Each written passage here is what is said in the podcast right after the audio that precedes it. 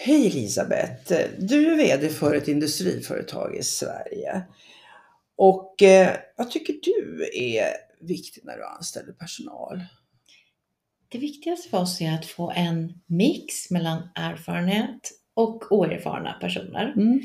Eh, En erfaren person kommer ju snabbt in i jobbet och det är en stor fördel. Mm. Men det kan också vara en nackdel.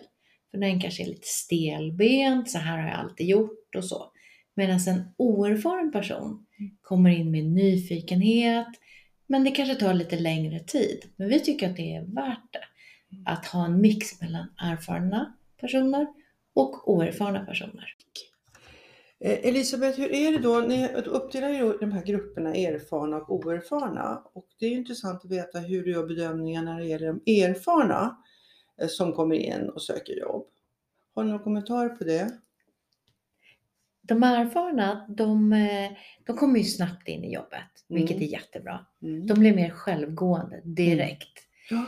Eh, även fast de får gå våra utbildningar, de får gå utbildningar hos våra leverantörer, eh, så har de den här, de redan vet från början, det här ingår, det här kan jag. Eh, så att allt går, hela deras process in i företaget, in i teamet, går väldigt, väldigt mycket snabbare än en oerfaren. Får jag fråga om en liten del här? Om du har två stycken som är erfarna och har ungefär lika värde rakt igenom, men du kanske väljer en av dem. Vad har den för styrka som inte den andra har som gör att du föredrar kanske en, annan, en av de två? Oj, om båda har, de är likvärdiga, så är det nog den som, när man sitter där på intervjun, han eller hon ska jag säga, Mm. vi har både kvinnliga och manliga Mm. tekniker, eh, som tittar en i ögonen, som verkar trovärdig, eh, som ger av sig själv. Mm. Eh, självklart så är det allvar, men att man bjuder lite på sig själv. Man berättar om sina erfarenheter och vad man har gjort.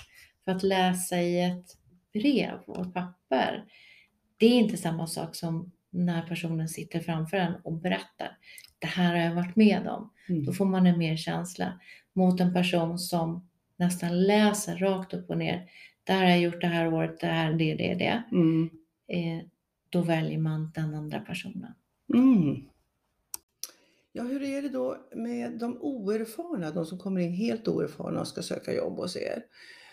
Har du något tips och råd att berätta hur du tänker där? Ja, det är lite som de med erfarenhet. Men om man kommer och inte har någon erfarenhet alls inom branschen så är man oftast lite nyfiknare. Man har ju ändå haft någonting i sitt CV. Det är därför man är hos oss. Mm. Vi har blivit nyfikna. Eh, personer har gjort någonting som vi känner att men det här kan vi bygga på. Mm. Det här kan bli något jätte, jättebra. Mm. Så man ska inte känna att man måste ha alla delar eh, direkt, utan man får det av oss. Och då blanda en som, har, som är oerfaren med en som är erfaren. Det tror vi är en jättebra mix. Mm, Man lär sig, Mm. både gammal som ung. Mm. Eh, vi tror inte att man bara behöver anställa unga personer, utan vi tror på mixen överlag. Erfarenhet, oerfaren, ung som lite äldre. Det funkar jättebra hos oss och det är då man får det här perfekta teamet. Tror vi på. Tack Elisabeth!